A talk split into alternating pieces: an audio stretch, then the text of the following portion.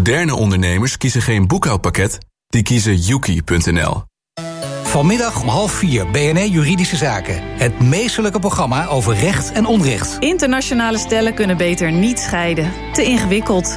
Hoe kan dat nationaal en internationaal beter geregeld worden? Vanmiddag om half vier in BNR Juridische Zaken. BNR Juridische Zaken wordt mede mogelijk gemaakt door DAS. Met DAS kom je verder. Hi, ik ben Sander de Heer. Op Sublime hoor je iedere dag, de hele dag, de beste muziek. Van onder andere Prince, Stevie Wonder, Amy Winehouse, Jamiroquai, Bruno Mars en Gregory Porter. Sublime, join the groove. BNR Verkeer. Ik ben John Bakker van de ANWB. Er is wat vertraging op de A7 van Horen naar Zurich... op de afsluitdijk bij Brezondijk, 2 kilometer. Vertraging een kleine 10 minuten. Een flitsmeister meldt op dit moment geen flitsers. Een campagne maken voor het WK met de hele wereld als publiek... of de correspondent uitrollen over de grens. Straks een reclame maken en een designer... over hoe je impact maakt met je ontwerp. Dat straks. Eerste nieuwsupdate van 3 uur. Goedemiddag, ik ben Marjan van den Berg. Het dodental door de watersnood in de Zuid-Indiase deelstaat Kerala is opgelopen naar 375. De afgelopen dagen zijn nog tienduizenden mensen gered... die vast waren komen te zitten door het hoge water, melden de autoriteiten. Meer dan een miljoen mensen zijn ondergebracht in noodopvang.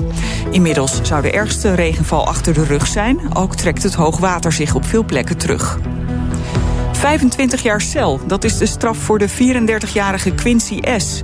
Die drie jaar geleden in Amsterdam-West een toevallige voorbijganger doodschoot. Dat gebeurde nadat hij zelf gewond was geraakt bij een schietpartij in een shisha-lounge. S wordt ook verantwoordelijk gehouden voor het voorbereiden van een liquidatie in Almere. Tegen hem was levenslang geëist. Maar daar gaat de rechter niet in mee. Persrechter Polly van Dijk. De rechtbank zegt een lange gevangenisstraf is op zijn plaats. Maar de levenslange gevangenisstraf is eigenlijk alleen voor de gevallen waarin je niets anders meer kan bedenken. En dan kom je tot levenslang. Terwijl bij deze man, die niet eerder veroordeeld is tot lange gevangenisstraffen, vinden wij dat 25 jaar dan op zijn plaats is. Het dodelijke slachtoffer was een 25-jarige Amsterdammer. Minister Sigrid Kaag voor ontwikkelingssamenwerking wil volgende maand praten met zangeres Rihanna over onderwijs in ontwikkelingslanden.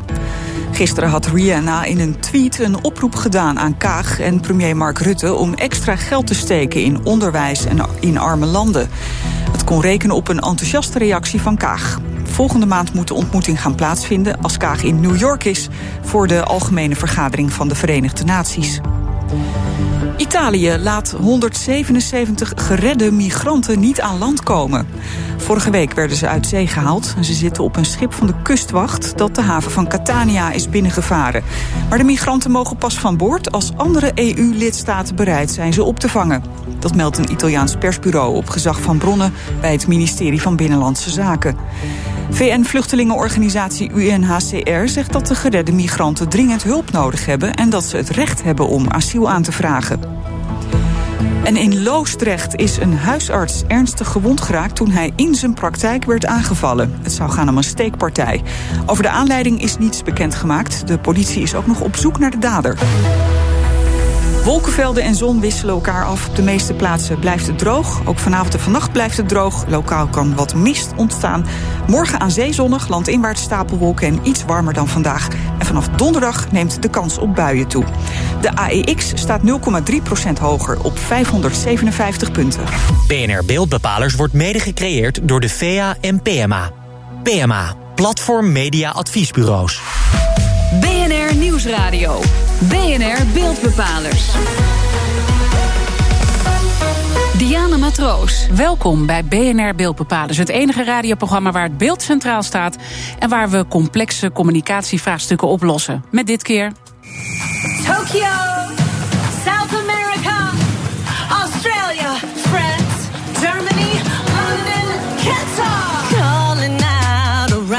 maak je binnen en buiten Nederland impact met je ontwerp? We kijken door de ogen van een designer naar de wereld om ons heen. En bespreken de WK-campagne die de hele wereld overging. U hoorde er net een stukje van. En dat doen we met onze gasten. Harold Dunning. Hij is medeoprichter van de correspondent. En tevens oprichter van designstudio Momkai.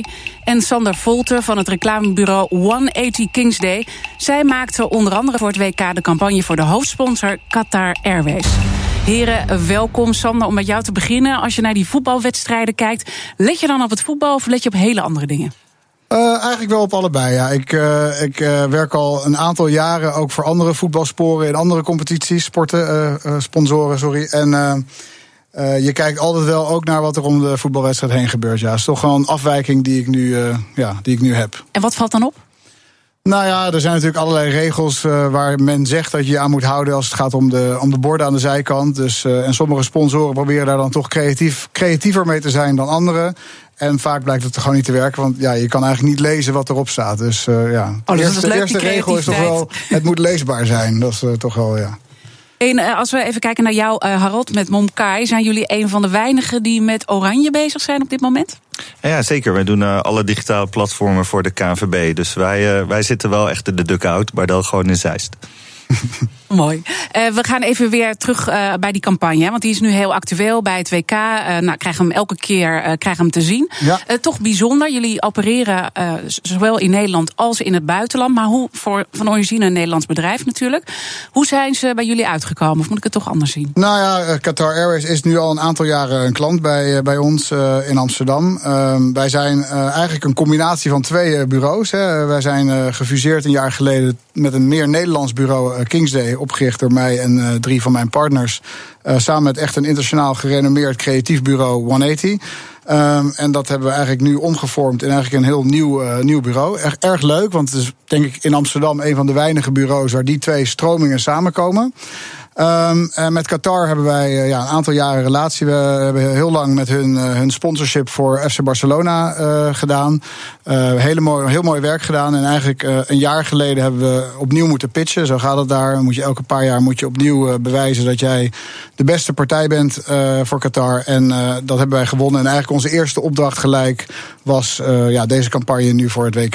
En dat is gigantisch, toch? Het is een miljoenenproject? Het is ja, de precieze bedragen, maar inderdaad miljoenenproject zeker een miljoenenproject. Het is een, uh, het grootste project waar je als, uh, ja, als, als bureau aan gaat werken. Naast het wereldkampioenschap is misschien alleen het, de Olympische Spelen nog even groot. Maar het is echt een enorme grote campagne. Ja. En als je dan kijkt, zo'n grote campagne, wat was dan het meest uitdagend voor jullie bij dit project? Uh, nou, de deadline is natuurlijk. Uh, kan je niet? De deadline is. Laat het een uh, beetje opschrijven. Ja, ja, de deadline is natuurlijk echt bikkelhard. Dus mm. er zijn heel vaak andere campagnes waar we aan werken waar de deadline net iets zachter is. Dit is een hele harde deadline. Um, het is ook, ja, wat je zegt, het is heel groot. de productie is daardoor heel complex. meerdere plekken in de wereld waar je uiteindelijk het moet opnemen om maar inderdaad dat wereld, wereldse gevoel te geven aan de campagne. Um, nou, je hebt net het nummer gehoord. Uh, we hebben dat met een grote wereldster, Nicole Scherzinger, uh, opgenomen. Zij heeft het nummer eigenlijk opnieuw moeten inzingen. En dan ook hebben we de tekst moeten veranderen. Dus dat zijn een aantal complexe stappen. Um, het gewoon dealen met een uh, celebrity zoals zij is, is al een, best wel een uitdaging. Oh, en dan ja? heb je ook nog te maken natuurlijk met alle regelgeving rondom FIFA. Want FIFA is natuurlijk heel ja, precies in wat wel en wat niet mag. Dus het is, ja uiteindelijk is het een best een grote uitdaging. En ja. ik kan me ook voorstellen, je krijgt natuurlijk met Rusland te maken, maar ook met Qatar, want je maakt het voor Qatar Airways, de hoofdsponsor. Ja. Uh, met wat voor ingewikkelde dingen hou je dan rekening? Of nou, met Qatar, ik denk als je kijkt naar uh, Qatar Airways, uh, de meeste directe klanten van ons zijn Westelingen, zoals wij zelf, uit Australië, Ierland, sommige uit Zuid-Amerika. Um, daarmee zie je dat eigenlijk de relatie eigenlijk zo werkt zoals bij een andere klant. Maar aan de top van het bedrijf zijn het eigenlijk allemaal Qatari. Uh, die, ja, het is natuurlijk een hele, heel klein land met een kleine uh, uh, populatie. Volgens mij 300.000 mensen.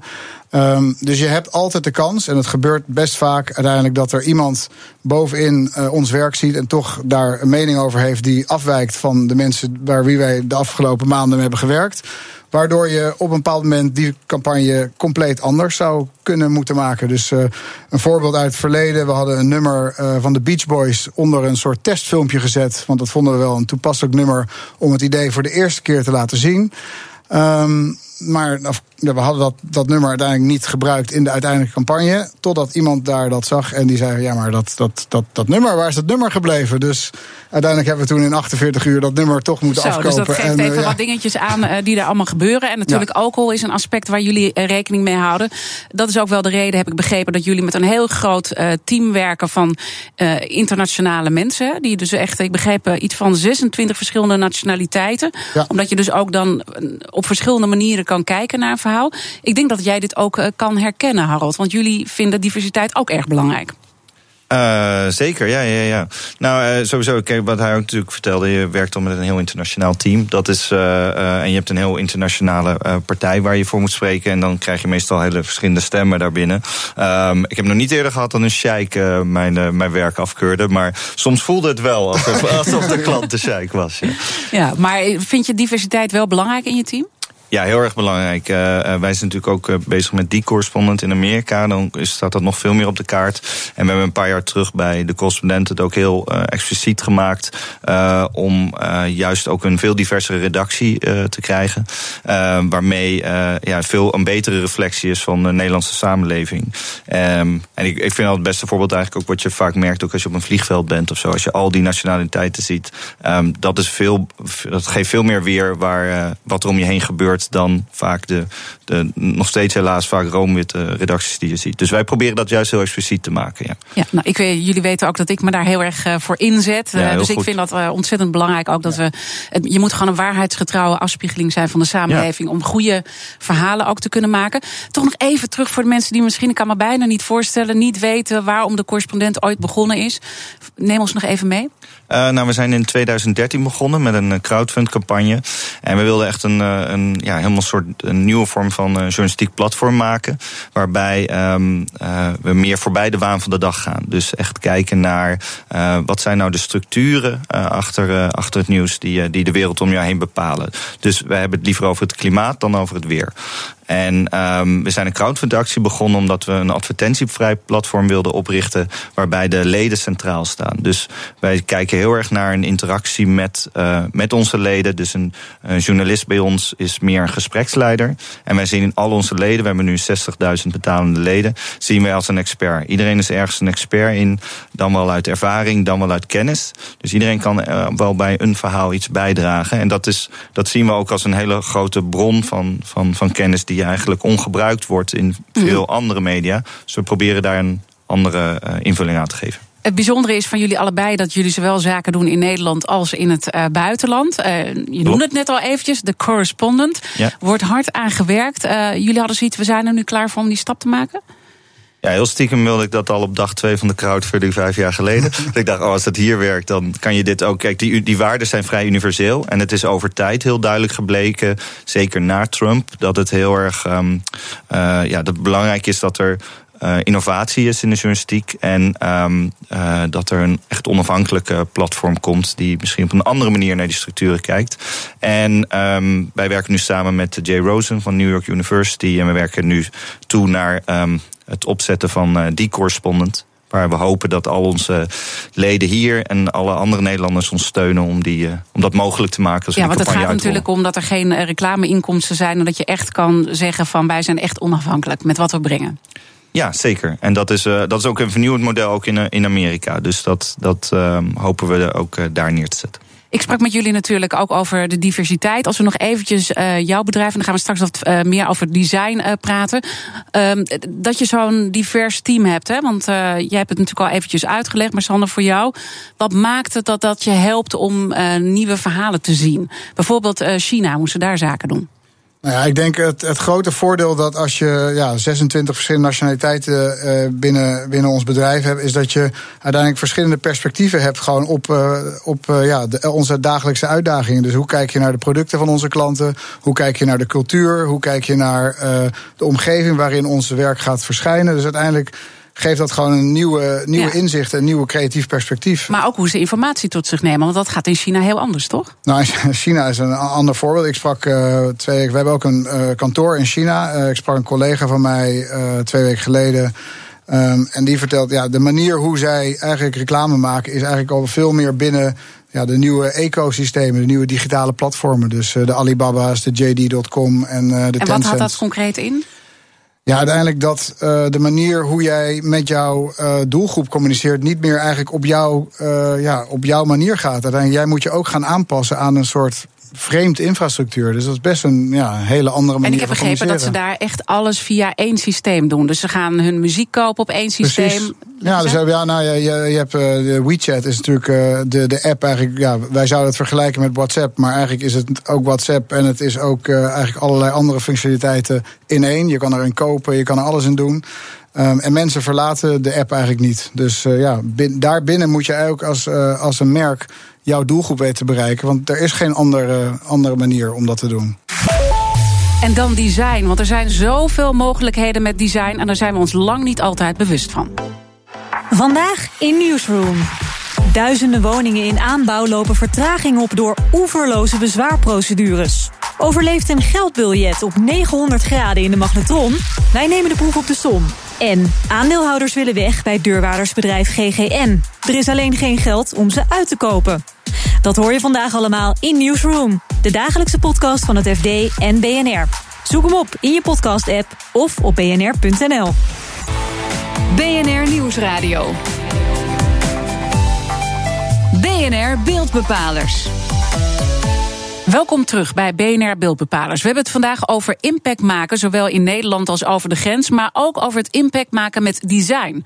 En dat bespreek ik met mijn gasten Harold Dunning, hij is medeoprichter van de Correspondent en oprichter van designstudio Momkai en Sander Volte van het reclamebureau 180 Kings Day. Zij maakten voor het WK de campagne van hoofdsponsor Qatar Airways, die u continu uh, ziet, ook uh, nu nog. Uh, Harold, we hadden het net al eventjes over de correspondent natuurlijk. En als het over de correspondent gaat en ook de stappen die jullie Amerika uh, maken. Dan gaat het vaak altijd over de journalistieke kant. Maar jij bent echt met design bezig. Wat moet ik me daarbij voorstellen? Nou, je kan het eigenlijk zien dat wij um, het podium ontwerpen, de spotlight ontwerpen, theater ontwerpen, waar, waar de productie zo goed mogelijk in uitkomt. En um, dus ik ben eigenlijk altijd heel erg bezig met hoe kan je zo optimaal mogelijk het verhaal ontvangen. Hoe kan je dat goed uitlezen? Hoe word je uitgenodigd om bij te dragen? Dus ik probeer in het ontwerp altijd zoveel rust te creëren dat je alleen maar druk maakt om de inhoud. Um, dus ontwerp gaat heel erg over van oké, wat zijn de principes waar je voor staat? Wat wil je uitdragen als merk? Waarmee wil je impact maken? Hoe kan je dat vertalen tot een vorm die helemaal eigen is voor jou? Die, die echt helemaal uh, past. En uh, binnen journalistiek kan je het eigenlijk zien alsof wij uh, uh, als je dus in journalistiek wil innoveren, uh, wil je echt dat journalisten, designers en developers samenwerken. En dat we dus als het ware het pen en papier ook opnieuw uitvinden. Niet alleen het verhaal. En als ik dan eventjes kijk naar hoe mensen zich daar bewust van zijn. Wat mij in ieder geval opvalt, is dat je veel meer verhalen hoort over design en de impact die het kan hebben. Zijn mensen zich voldoende bewust intussen? Nou, ik denk, ik denk uh, dat, dat is een goed punt. Je ziet wel meer dat, en je merkt het ook, hè, ook in een, in een boardroom, dat, uh, dat er veel bewuster is van: hey, um, als we iets willen vertellen, hoe gaan we dat vormgeven? Um, uh, maar mensen zijn zich denk ik niet altijd even goed bewust van wat, dat alles om je heen is vormgegeven. Dat een, dat een polder bijvoorbeeld ook is vormgegeven. En mensen noemen vaak design toch een mooi object, terwijl je eigenlijk de, de route die je loopt door Schiphol is ook design, zeg maar. Dus daar kunnen mensen veel bewust van zijn. Uh, daarom ben ik trouwens ook een, een, podcast die komt eh, binnenkort uit met uh, mijn medeoprichter bij de correspondent Ernst-Jan Fout. En dan gaan we daar ook dieper op in. Zo'n podcast waar je beter van gaat kijken. Verwondering heet die. Ja, want je, je nam ons al even mee. Ook het weiland is design wat je ziet. Maar ook dus als je op Schiphol aankomt, dan kan bijvoorbeeld bewegwijziging beter en namen van een bedrijf beter. Zodat je al helemaal wordt meegenomen in het verhaal van dat bedrijf. Ja, zeker. Dus uh, nou, het, als je het vertaalt naar een bedrijf, je kan dus uh, de, als bedrijf ook nadenken: oké, als ik binnenkom, hoe kom ik dan binnen? Wat zie ik dan als eerst? Zie ik dan een scherm? Uh, wordt er een boodschap verteld? Kom ik in de in een bepaalde kamer. Wat wij er bijvoorbeeld doen, is dat jouw naam dan al op het scherm staat. Dus dat je je veel meer welkom voelt. Mm. En dat, is, dat zijn kleine dingen waar je ook over na kan denken. Als van hoe kan ik het ontwerpen dat deze ervaring zo optimaal mogelijk binnenkomt. Uh, en dat kan je dus voor één individu doen binnen jouw organisatie. Of uh, voor heel groot uh, tot aan een hele mooie campagne voor een vliegtuigmaatschappij. Sander, zijn jullie daar ook mee bezig op die manier? Absoluut. Dat je dat design heel erg bewust meeneemt, want het kan veel meer geven? Absoluut. Ik denk dat design is een, eh, een steeds belangrijker onderdeel. Ook omdat uh, ja, uiteindelijk in het verleden uh, kon je natuurlijk met communicatie eigenlijk al heel veel bereiken als je maar genoeg media inkocht. En, de rol die media speelt in het overtuigen van mensen ja, wordt toch iets kleiner. En, daarmee wordt de rol van design, wat eigenlijk gewoon het, ja, het touchpoint is wat je hebt met, met, een, met onze klanten, wordt steeds belangrijker. Want dan denk ik dat is toch ja, de eerste en vaak ook de meest ja, meest voorkomende uh, interactie mm -hmm. met, uh, ja, met het product. Zou je dan een voorbeeld kunnen geven in die eh, WK-campagne voor Qatar Airways, waar je dus ziet dat het design heel erg belangrijk is en, en ook een verhaal vertelt zoals Harold dat ook uitlegt? Nou, ik denk, uh, wij, praten ook altijd vaak over een soort design systeem. Wat, wat Harold ook vertelde. Uiteindelijk, design komt in zoveel verschillende facetten krijgt een rol. Dus het gaat niet alleen maar om uiteindelijk de, de borden, de perimeterboards uh, naast het veld zijn natuurlijk ook een vorm van design. Maar uh, vliegtuigmaatschappijen denken natuurlijk na van hoe ziet bijvoorbeeld een aankomsthal eruit en hoe gaan we daar elementen van het werk wat wij nu doen laten terugkomen. Uh, hoe zien die elementen die wij verzinnen eruit als jij uh, de campagne niet gebruikt voor puur voetbal, maar als je het gebruikt om echt reizen te verkopen. Hoe ziet het design eruit als je het vervolgens gaat gebruiken binnen een, een aankoop binnen de website van Qatar. Dus uiteindelijk design komt op een heleboel plekken terug. Ja, ik denk, ik denk vooral ook heel erg dat het dat design daarin ook juist heel erg het uh, vertrouwen kan scheppen, zeg maar. Dus als je dat goed consequent alles goed uitontwerpt, dan weet je van oké, dit is een betrouwbaar merk. Of in het geval van de journalistiek, kan, dit is een betrouwbaar medium. Dus uh, mensen kijken ook heel erg naar, naar ontwerp en afwerking als een, als een teken van dit is een, dit is een product waar het waard is om mijn geld aan te geven. Of uh, dat is een veilige plek waar mijn data veilig is. Dus het is um, daarin, uh, ja, wij noemen het vaak design for trust. Dus hoe, hoe kan je zo, zoveel mogelijk optimaliseren dat alles vertrouwen schept. En ik denk dat design en een duidelijk, inderdaad, een duidelijk design systeem dat heel erg uh, kan creëren. We zijn natuurlijk heel erg reclame aan het maken nu voor design. Hè, want dat is ja. dus eigenlijk een heel belangrijk vak. en ze moeten jullie natuurlijk allebei uh, bellen. Maar uh, zou, je, zou je kunnen zeggen dat het meer nodig is om impact te maken nu? Want we hebben het ook over hoe maak je nou impact met je ontwerp of met je campagne? Uh, ja, nou, ik, wat je ook al eens aanstipt, dat je het meer leest overal en dat het meer inclusief is. Dat merk je ook. Het, het gaat vooral ook uh, dat je het vroeger in het proces hebt. Dus veel meer vanuit een strategie. En vroeger was het toch vaker dat het een soort. Um, ja, afterthought was. Van oh, nu halen we een designer bij en dan werd het geïmplementeerd als uh, we maken het even mooi. Even een logootje. Ja, even een logo. Ja. Maar je wil de, de waarde die je binnen strategie uh, hebt ook kunnen vertalen naar welke vorm zou dat kunnen geven. En dus meer in de boord doen. Denk ik. Sander, ja. wat als je naar jouw vakgebied kijkt, wat heb je dan echt nu nodig om impact te maken? Wat is er veranderd? Nou ja, wij uh, uh, bij 180 Kings hebben het vaak over om de wereld te zien, niet zoals die is, maar zoals die ook kan zijn. En dus het gaat heel erg over Kijk niet naar de barrières die je hebt in wat je nu kent, maar kijk meer naar wat zijn de mogelijkheden uh, in een toekomstige uh, positie voor jouw merk. En dan heb je een van de facetten is natuurlijk het design, een van de facetten is je product, een van de facetten is de, eigenlijk de, de, de commerciële omgeving waarin je manifesteert. Dus dat kan zijn inderdaad een retail omgeving, maar ook een e-commerce omgeving. En um, ja, ook omdat wij veel met partnerships werken, um, zie je ook de rol die jouw merk binnen cultuur kan spelen, is ook, is ook heel belangrijk. Dus uiteindelijk we werken veel met muzikanten of met ja. sport. Ja, iedereen werkt meer global, hè? dus het wordt voor iedereen veel belangrijker om die culturen toch te snappen. Om de culturen te snappen, of in ieder geval ook een soort uh, uh, overeenkomsten tussen culturen te snappen. Want eigenlijk ons werk gaat natuurlijk niet alleen voor de Nederlandse markt. We hebben ook klanten waarmee we puur voor de Nederlandse markt werken. Maar ook daarin zie je dat het belangrijk is dat je het perspectief op een andere manier kan draaien, wordt het ook interessanter voor de Nederlandse markt. Ja, we zijn alweer aangekomen bij de conclusie. Het gaat razend uh, snel. Uh, ook dit keer kom ik weer tijd tekort. En we proberen antwoord te geven op de vraag... hoe ontwerp je met impact? Misschien kunnen we advies geven aan jonge ontwerpers... en reclamemakers die net beginnen. Harold, wat zou jij tegen een jonge ontwerper zeggen? En dat ze heel bewust kiezen waar ze hun energie aan geven. Dus je kan voor alles en iedereen ontwerpen. Um, en je kan natuurlijk altijd zelf voor kiezen dat je bijvoorbeeld voor een bank gaat ontwerpen. Maar um, je moet je voor jezelf gaan afwegen: is dat, is dat iets waar ik mijn uh, energie het beste aan kan geven? Uh, uiteindelijk voelt het het meest rijk als je, je, je iets kan creëren wat echt bijdraagt en wat anderen kan helpen. Mooi. Nou, ik, ik denk dat het ook uh, te maken heeft met samenwerking. Ik bedoel, ik vind uh, het superleuk om hier met Harold te zijn vandaag. Maar ik denk, als je kijkt naar. Uh, niemand heeft meer de wijsheid in pacht. Dus uiteindelijk is het waar het idee van gaat komen en hoe het idee uiteindelijk zich gaat uitontwikkelen gaat steeds vaker met verschillende partijen die op een, op een eenmalige of een meerdermalige uh, gaan samenwerken. En ik denk, samenwerking wordt steeds belangrijker. En wat voor eigenschappen heb je dan nodig? Jij kunnen samenwerken, maar... Nou, je moet denk ik openstaan voor andere ideeën. En dat, dat zie je dus ook als je met verschillende nationaliteiten bent. Heb, moet je eigenlijk al ja, automatisch uh, openstaan voor andermans ideeën. En ik denk dat in een ja, toekomst alleen maar belangrijker gaat worden. De beeldbepaler van de week. Dat sluit ontzettend mooi aan bij de beeldbepaler van de week. Want we kijken altijd wat deze week het beeld bepaalde. En uh, misschien wel interessant in dit verband. Het team van RTL Boulevard is een stukje diverser geworden. Vlogger Ruba Zai zal meerdere keren per maand aanschrijven als lifestyle-deskundige. Ze is moslima, heeft een enorm bereik met meer dan een miljoen volgers op Instagram. En meer dan 400.000 abonnees op YouTube. Ze draagt een hoofddoek. Dat is op zich natuurlijk niet heel bijzonder. Maar wel voor het eerst dat een spreker bij RTL Boulevard zo in beeld komt. Nu zijn jullie allebei heel erg met diversiteit bezig. Zowel als het gaat in het team als naar je samenstelling uh, kijken. Hoe kijk je naar dit verhaal, Harold? Nou, dat juich je toch alleen maar toe. Dat is heel goed. Ik bedoel, dat is een heel groot deel van, uh, uh, van uh, wat ook Nederland bepaalt. En dat je wil dat mensen zich daarin kunnen herkennen. En, en precies aansluitend op wat jij net zei, ook dat weer andere mensen zien dat wij in een hele diverse samenleving leven.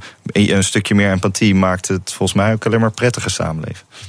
Nou ja ik, ja, ik ben het er helemaal mee eens. Ik ben ook, ik sta, ik, ben, ik juich alleen maar toe. En ik denk dat het alleen maar goed is dat er inderdaad ja, meerdere gezichten op uh, televisie verschijnen dan dezelfde gezichten die we altijd zien. Dus dat betreft alleen maar goed. Ja. ja, want waarom is dat goed om het toch nog even uit te leggen? Nou ja, uiteindelijk omdat het, uiteindelijk, het is een reflectie van de samenleving waar we in wonen. Dus uiteindelijk, uh, ja, we wonen niet in een samenleving met alleen maar blanke mannen. Maar uiteindelijk wonen we in een samenleving met uh, allerlei nationaliteiten en allerlei kleuren. En ja, dat is alleen maar goed. En als je dan kijkt naar de reclamewereld, is daar nog winst te behalen? Absoluut. Ja, ja ik denk. ja.